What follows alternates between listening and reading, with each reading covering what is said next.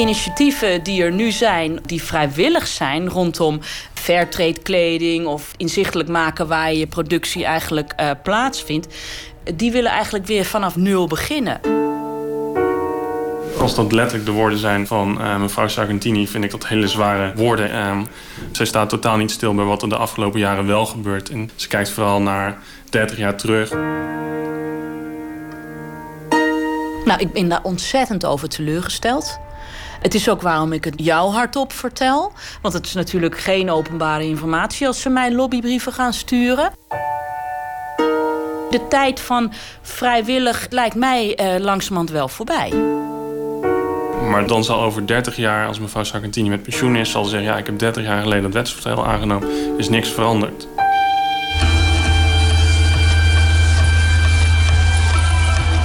In de kledingindustrie is al jaren van alles mis. Textielarbeiders worden uitgebuit, zwaar onderbetaald en seksueel misbruikt. Ook kinderarbeid komt nog regelmatig voor. En het werk is vaak erg onveilig. Want de textielsector kent een lange geschiedenis van fabrieksbranden en instortende gebouwen. In landen als India, Pakistan en Bangladesh. Daar moet iets aan gedaan worden. Maar wat? Op welke manier pak je die misstanden het beste aan? Via bindende wetten of vrijwillige afspraken? Argos over Europese regels, Nederlandse convenanten en de aanhoudende lobby tegen al te grote verplichtingen. Mag ik jou misschien wat vragen? Het is voor de radio. Ik zie dat jij eh, loopt met de tas van Poel en Beer. Mag ik mhm. vragen wat je hebt gekocht? Uh, een spijkerjurkje heb ik gekocht. We kopen allemaal wel eens een broek of een jurk of een overhemd. Maar wat weten we eigenlijk over de kleren die we aanschaffen? Mag ik ook vragen wat je ervoor hebt betaald? Uh, eh, 36 euro. Ja, die prijs, die weten we bijna altijd. Maar verder? En heb je enig idee waar je kleding vandaan komt? Nee, weet ik niet, nee. En vind je het belangrijk dat dat voor jou als consument duidelijk is... onder welke omstandigheden de textielwerkers uh, werken? Ja, zou, zou inderdaad wel belangrijk zijn. Omdat ja, als het van iets uh, vandaan komt waar echt kinderarbeid bijvoorbeeld is... dan, ja, dan is het eigenlijk niet echt uh, heel fijn om te dragen. Zou ik je misschien mogen vragen wat je daar hebt gekocht? Ondergoed en een pyjama. Nog steeds worden onze kleren geproduceerd door onderbetaalde mensen. Soms zelfs door kinderen. Meestal in Aziatische landen waar de arbeidsomstandigheden slecht zijn. En mag ik ook vragen hoeveel je daar ongeveer voor hebt betaald? Dat was geloof ik 40 euro bij elkaar. Voor best wel veel spulletjes. Het zou mooi zijn als dit verandert. Maar hoe krijg je dat voor elkaar? Ik weet dat er heel veel uh, slechte fabrieken zijn in uh, India en uh, Bangladesh... die al deze H&M-shirtjes stikken en vastmaken. Ja, want hoe sta je bijvoorbeeld tegenover Europese wetgeving? Dat bedrijven wettelijk verplicht zijn om in ieder geval kinderarbeid uit hun keten te halen... of mhm. de omstandigheden te, te waarborgen. Ja, dat lijkt me fantastisch. Want ik merk nu al dat het als consument zeg maar zo moeilijk is om er echt wat aan te doen. Je, je wordt al snel machteloos van ja, het moet toch van bovenaf gebeuren. En ik kan toch niet zoveel bijdragen als één persoon. En als er zeg maar echt officiële wetgeving over zou zijn, dan uh, zou dat al een stuk schelen. Zo'n wet kan er komen. Er ligt sinds kort namelijk een rapport bij de Europese Commissie. En daarin vraagt het Europees Parlement aan de Commissie om regels te maken. Regels die kledingbedrijven verplichten de situatie in de weverijen en de naaiateliers in kaart te brengen en te verbeteren. Ik ben Judith Sargentini, eh, Europarlementariër voor GroenLinks. Judith Sargentini is een van de Europese parlementsleden die zich hard maakt voor die nieuwe regels. Het is een branche waar heel veel vrouwen en meisjes in werken. Ehm, die ongelooflijk lange uh, dagen maken. Echt geen 9 tot 5. Echt tot, tot diep in de avond. Met een productietempo wat hoog ligt. Waar regelmatig ook vakbonden geen rol mogen spelen. Er zijn ook constructies opgezet van zeg maar belastingvrije zones. Wat ook regelvrije zones zijn. Ik zou dat Wild West willen noemen. En dat is inderdaad gewoon voor iedere kledingzaak die hier in de Kalverstraat zit. Wat is jullie voorstel concreet aan de commissie? Wat het parlement voorstelt is gebruik uh, wat al bestaat. Uh, de OESO, uh, dat is een samenwerking van westerse landen, hoofdkantoor in Parijs. De OESO heeft een format voor due diligence, voor ketenverantwoordelijkheid gemaakt in die textielsector. Waarbij een bedrijf beetje bij beetje laat zien vanaf zeg maar hier, vanaf in Nederland. En dan steeds verder terug probeert aan te tonen waar zijn kleding vandaan komt. Dat is een, een format gemaakt samen met de hele industrie. Dus iets waarvan zij zeggen, daar kunnen we aan voldoen. En waarvan de industrie ook gezegd heeft, daar moeten we aan voldoen. Daar willen wij vrijwillig aan voldoen. Maar ja, tussen droom en daad staan wetten in de weg en praktische bezwaren. Dus een heleboel uh, doen dat helemaal niet. Maar als we nu Europese bedrijven verplichten om daar ook echt te rapporteren, dan gaan ze ze ook echt invoeren. Dus dat is wat we voorstellen. Hoofdstad van Bangladesh is een acht verdiepingen hoog gebouw ingestort. Zeker 70 mensen zijn omgekomen. Honderden liggen vermoedelijk nog onder het puin. De ramp in 2013 in het Rana Plaza complex vormt de directe aanleiding voor de voorstellen van het Europees Parlement. Omwonenden zeggen dat ze een grote scheur in de gevel zagen. Na de ontdekking van de scheur mocht niemand er meer in. Maar die waarschuwing is door de eigenaren genegeerd. In Bangladesh staat het dodental van de ingestorte textielfabriek inmiddels op 290. Zeven vloeren van beton zakten als een harmonica in elkaar. In Rana Plaza werd kleding gemaakt voor onder andere Benetton, Walmart en Primark. De fabriek heeft ruim 3000 werknemers. Maar het is onduidelijk hoeveel mensen er aan het werk waren... toen het gebouw woensdag instortte. Bangladesh is een van de grootste kledingproducenten ter wereld. Veel westerse kledingmerken laten hun kleding daar in elkaar zetten. Maar dat is in Bangladesh wel echt een groot punt van zorg. Hè. Opnieuw worden arbeiders in de kledingindustrie getroffen. De rollen stof uit de fabriek waar normaal de kleren van worden gemaakt... worden nu gebruikt om te ontsnappen. De mensen die hier vandaag omkomen... die produceren onze kleding die in onze kledingkasten hangt. En het is daarmee toch wel een drama wat hier eh, vanochtend... toch wel heel eventjes heel dichtbij ons ook uh, komt op die manier. Uiteindelijk komen bij de ramp meer dan 1100 mensen om het leven. De hele wereld is enorm geschrokken na Rana Plaza. Dat is nu vier jaar geleden. Het instorten van die fabriek in Bangladesh. Uh, en toen kwamen er allerlei soorten initiatieven van de grond... om uh, de handel in kleding trans transparanter te maken. Om, om zeg maar arbo-wetachtige activiteiten te ontplooien... in landen waar, veel, waar veel naaiateliers staan. En om te werken aan een beter en eerlijker loon voor mensen in de textielindustrie. En zo ontstond, naast de plannen voor Europese wetgeving, het zogeheten Convenant Duurzame Kleding en Textiel. Ruim 50 Nederlandse kledingbedrijven beloven zich in te zetten voor duurzame kleding. Ze ondertekenen later deze ochtend een convenant om kinderarbeid en milieuvervuiling tegen te gaan. Ongeveer een derde van de Nederlandse kledingbedrijven belooft op 4 juli 2016 dat zij haar best gaat doen om de productie van kleding te verbeteren. Met meer oog voor mens, dier en milieu. Niet alleen kledingproducenten doen mee aan het convenant, maar ook vakbonden, NGO's en de Rijksoverheid. Dat meldt het Radio 1-journaal. Zitten grote namen bij de ondertekenaars, zoals Zeeman, Coolcat, Wee en ook de Bijenkorf. Ramon de Kok is van de Bijenkorf en u hoort hem in gesprek met verslaggever Nick Wouters. Wat is er nu niet duurzaam aan die kleding die hier hangt?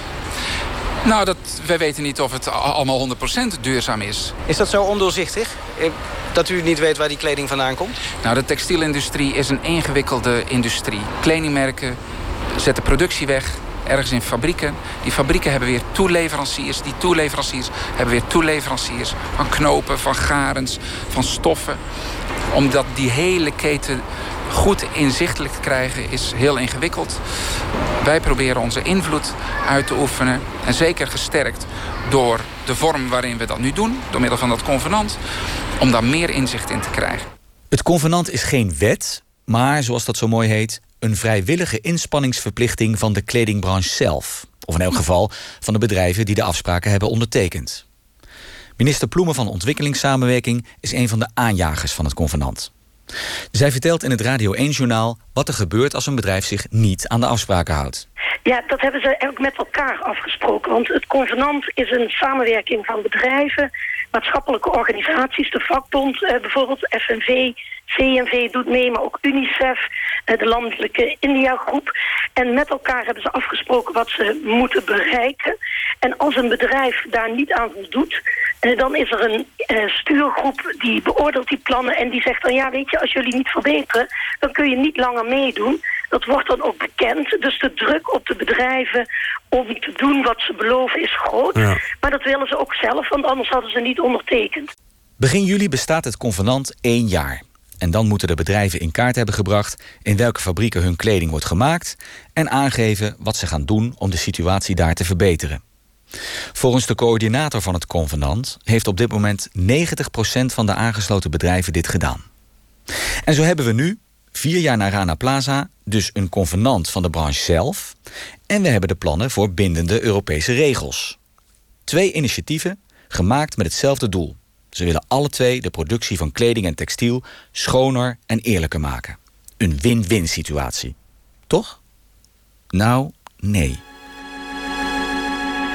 Wij beschikken over interne documenten waaruit blijkt dat de wetgevingsplannen van Judith Sargentini en haar collega's in het Europarlement op stevig verzet stuiten.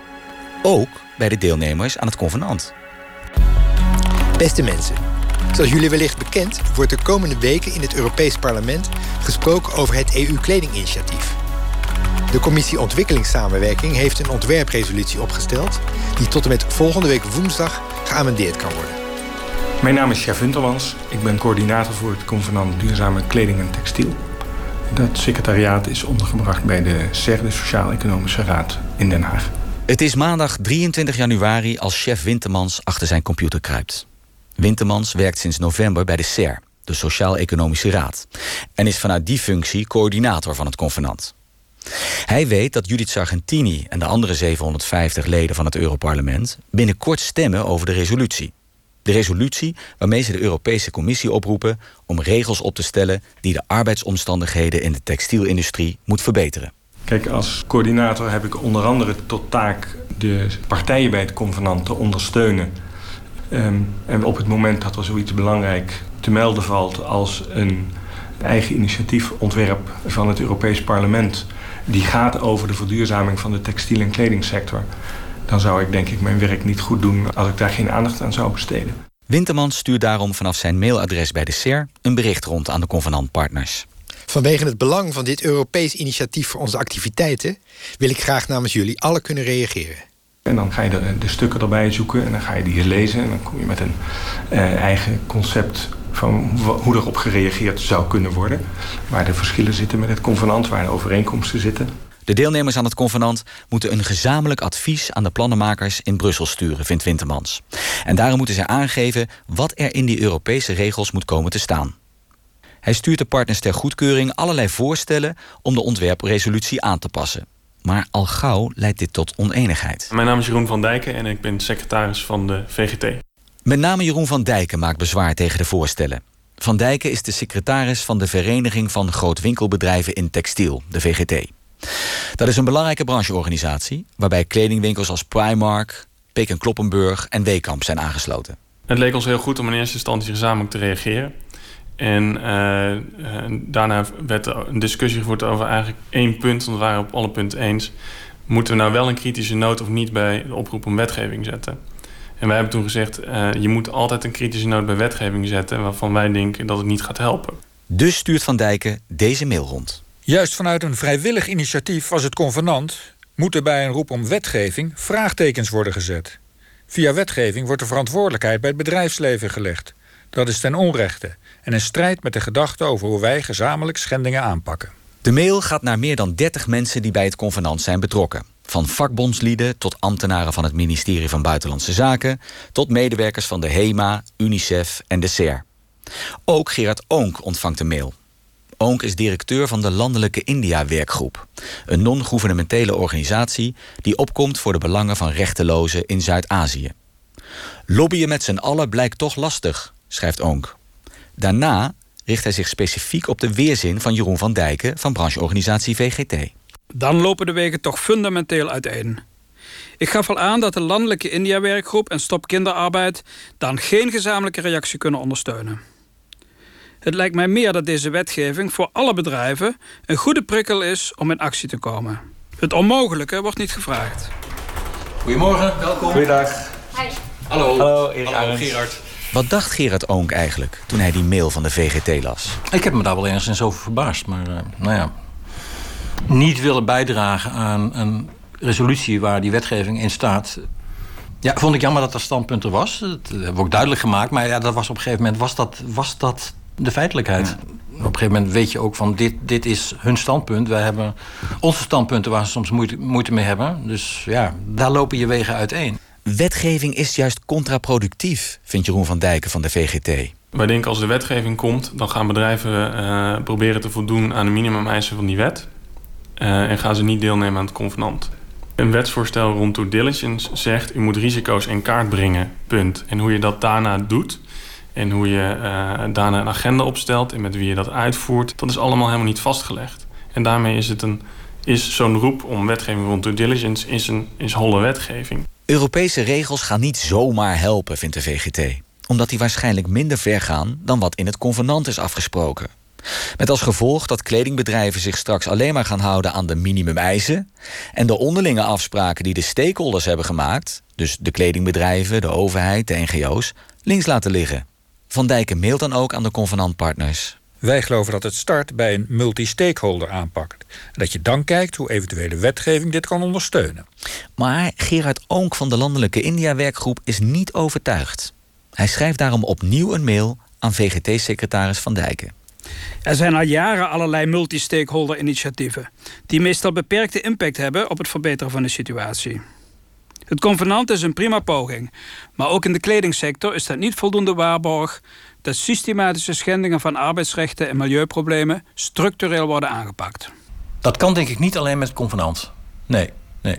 Ik denk dat er te veel bedrijven dan uh, buiten blijven. Dat worden dan de free riders, want je hoeft niet mee te doen. Uh, vooral bedrijven die zich ook niet zoveel aan hoeven trekken van reputatie. Want uh, dat moeten natuurlijk de, de, bekende merken moeten dat steeds meer. Mm -hmm. Dat is natuurlijk ook een belangrijk drukmiddel. Maar er zullen er een hoop buiten blijven. Ja, en door dit meningsverschil tussen NGO's aan de ene kant en de kledingbedrijven aan de andere, zit chef Wintermans als coördinator van het convenant met een probleem. Want hoe moet hij hier nou een gezamenlijk advies van brouwen? Dat hij namens de deelnemers aan het convenant aan het Europees Parlement kan sturen. Door gewoon het werk te doen wat een coördinator wordt geacht te doen. Namelijk luisteren naar alle partijen en op basis daarvan proberen een standpunt te formuleren waarvan je hoopt dat iedereen zich in herkent. Maar dat blijkt een onmogelijke opgave. Na acht dagen zoeken naar een compromis gooit Wintermans het bijltje erbij neer. Beste mensen, ik heb de afgelopen dagen geprobeerd een formulering te vinden die recht doet aan de tweestrijd.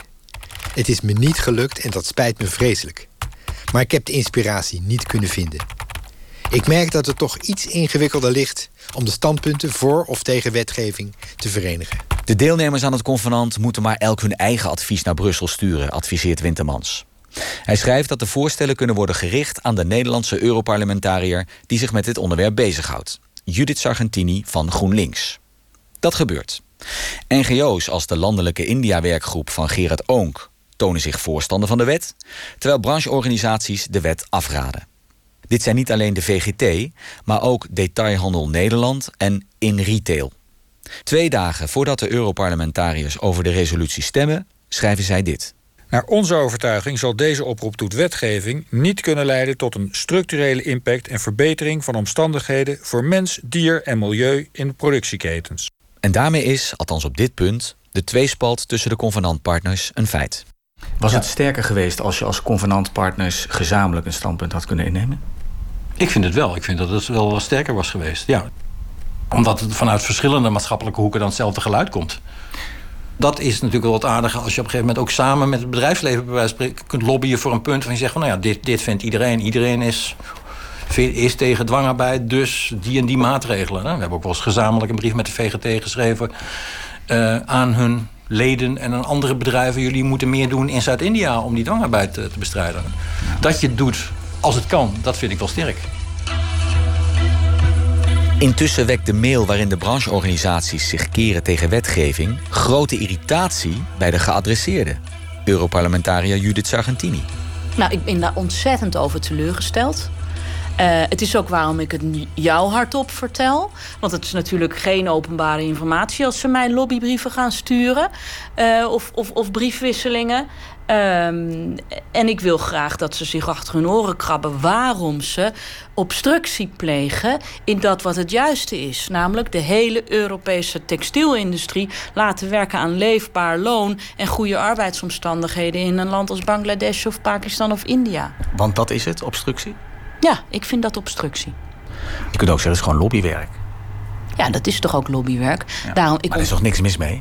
Met lobby. Uh, nou, als je het uh, transparant doet en je staat in het Europees lobbyregister. Nee, en dat is ook, dan is er niks mis mee.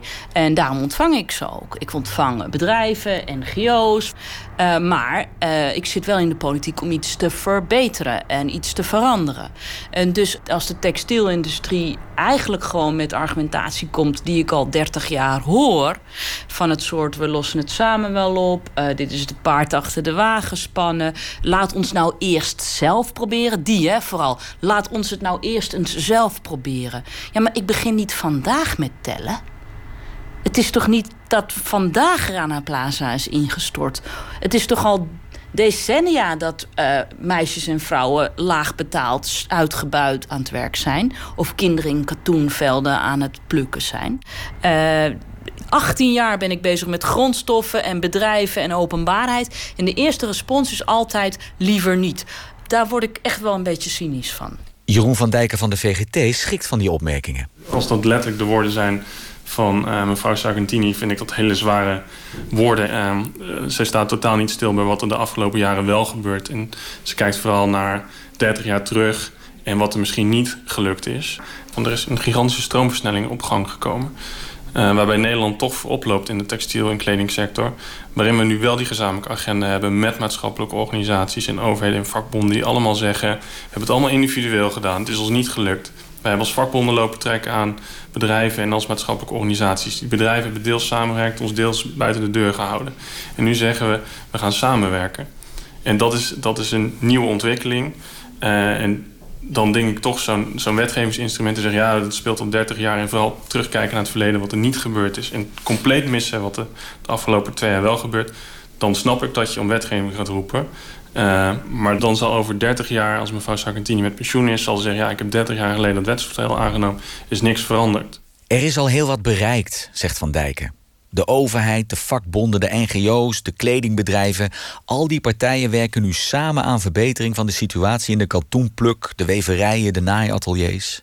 En als Europa daar nu doorheen komt fietsen met bindende regels die eigenlijk weinig voorstellen, dan zijn we straks alleen maar verder van huis. Als ik op papier ga vastleggen, alle bedrijven moeten de risico's in een keten in kaart brengen.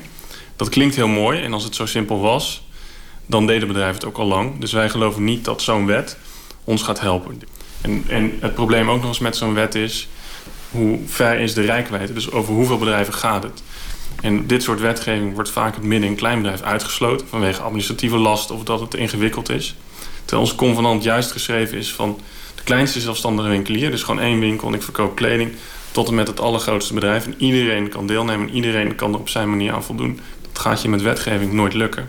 Er is een vrijwillig convenant waar bedrijven mijn inziens goede sier mee maken, maar waar nog geen resultaten uitgekomen zijn. Dat is ook met veel bombardie vorig jaar gelanceerd, eh, waarbij je het idee kreeg dat als je kocht bij die eh, textielbedrijven, dat je dan bijna fair trade kocht. En dat is niet waar, want ze moeten nu nog steeds hun eerste resultaten laten zien. En de rapportage die ze moeten doen is ook niet openbaar.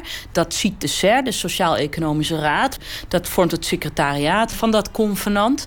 En ik denk daarnaast, om het nog erger te maken, dat het uitstel is van wetgeving. Dat, oh ja? Ja, ik ben ervan overtuigd dat, uh, en ik moet je eerlijk zeggen, die indruk heb ik ook echt gekregen in de gesprekken die ik met de textielindustrie voerde voor deze resolutie, deze voorstellen van het Europese parlement. Dat juist omdat ze in dat vrijwillige convenant zitten, dat is het argument om te zeggen: laat die Europese wetgeving maar zitten. Dat convenant dat is vooral een pronkstuk voor de bühne, zegt Sargentini. Er is geen enkele verplichting voor bedrijven om mee te doen. En wie wel meedoet, hoeft de namen van de fabrieken waar zijn kleding wordt gemaakt niet openbaar te maken. Want er komt straks alleen een gezamenlijk overzicht van productielocaties. Geen specifieke lijst waarop je als consument kunt zien in welke fabrieken de broeken van Cool Cat of de bloesjes van Zeeman worden gestikt. Waarom is dat eigenlijk? Convenantcoördinator Chef Wintermans. Omdat dat hoogst gevoelige bedrijfsinformatie is. Ja, maar er zijn dus ook bedrijven die het wel doen. Dus dat concurrentieargument. nee, dat geldt nog steeds. Daaruit mag u afleiden dat de bedrijven die het wel doen, zoveel en zo lang hebben geïnvesteerd in hun relatie met hun toeleverancier. En of zo groot zijn dat zij niet bang zijn dat een concurrent hun productielocatiecapaciteit voor hun wegkaapt, van hun afneemt.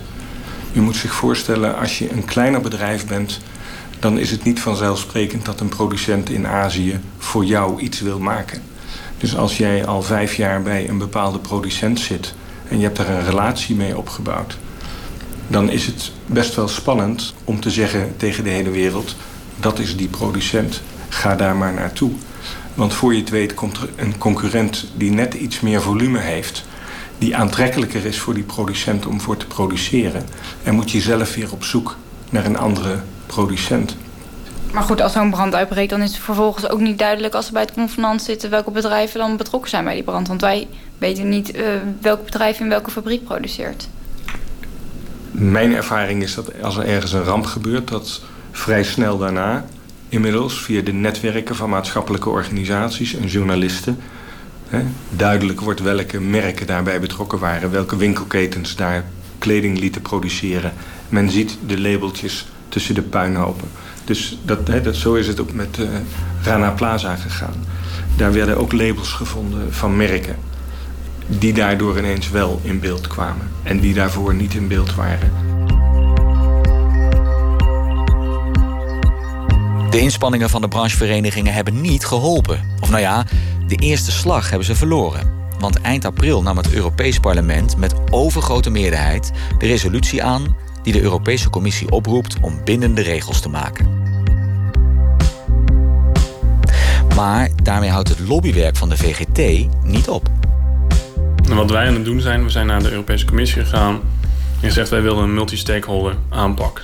Uh, dus waar alle partijen die een rol kunnen spelen in het verduurzamen, dat we die samenbrengen op basis van één agenda. Dus dat zijn de bedrijven, de overheden, vakbonden, maatschappelijke organisaties, werknemersvertegenwoordigers in productielanden. Die allemaal samenbrengen op één agenda en dan samenwerken aan die verduurzaming. En wij zijn, zetten nu in op het uh, komen met een concreet voorstel hoe dat er dan uit zou moeten zien. En dat willen we voorleggen aan de Europese Commissie. En de resolutie van Sargentini dan? Die gaat een stille dood sterven. Dat verwacht Jeroen van Dijken van de kledingbranche. Het beeld dat ik heb is dat de Europese Commissie sowieso niet zelf met wetgeving gaat komen. Uh, dat zij ook de overtuiging hebben dat het uiteindelijk niet daadwerkelijk gaat helpen in de verduurzaming. En dat, dat is mijn interpretatie van hun standpunt. En dat verwachten ook voorstanders van Europese regels. Zoals Gerard Oonk van de Landelijke India-werkgroep. Ik zou het heel graag willen. En de discussie is nu totaal anders dan, dan 15 jaar geleden. Maar ik denk nog niet dat het zover is dat de commissie nu gaat zeggen: yes, we gaan nu meteen werken aan een wetsvoorstel en we hebben daar voldoende lidstaten voor achter ons. Ja, ik denk dat dat nog niet het geval is. Maar het Europees Parlement moet ook die rol vervullen om het wel aan te kaarten. Je moet, je moet ergens beginnen en kijken hoe ver je kunt komen.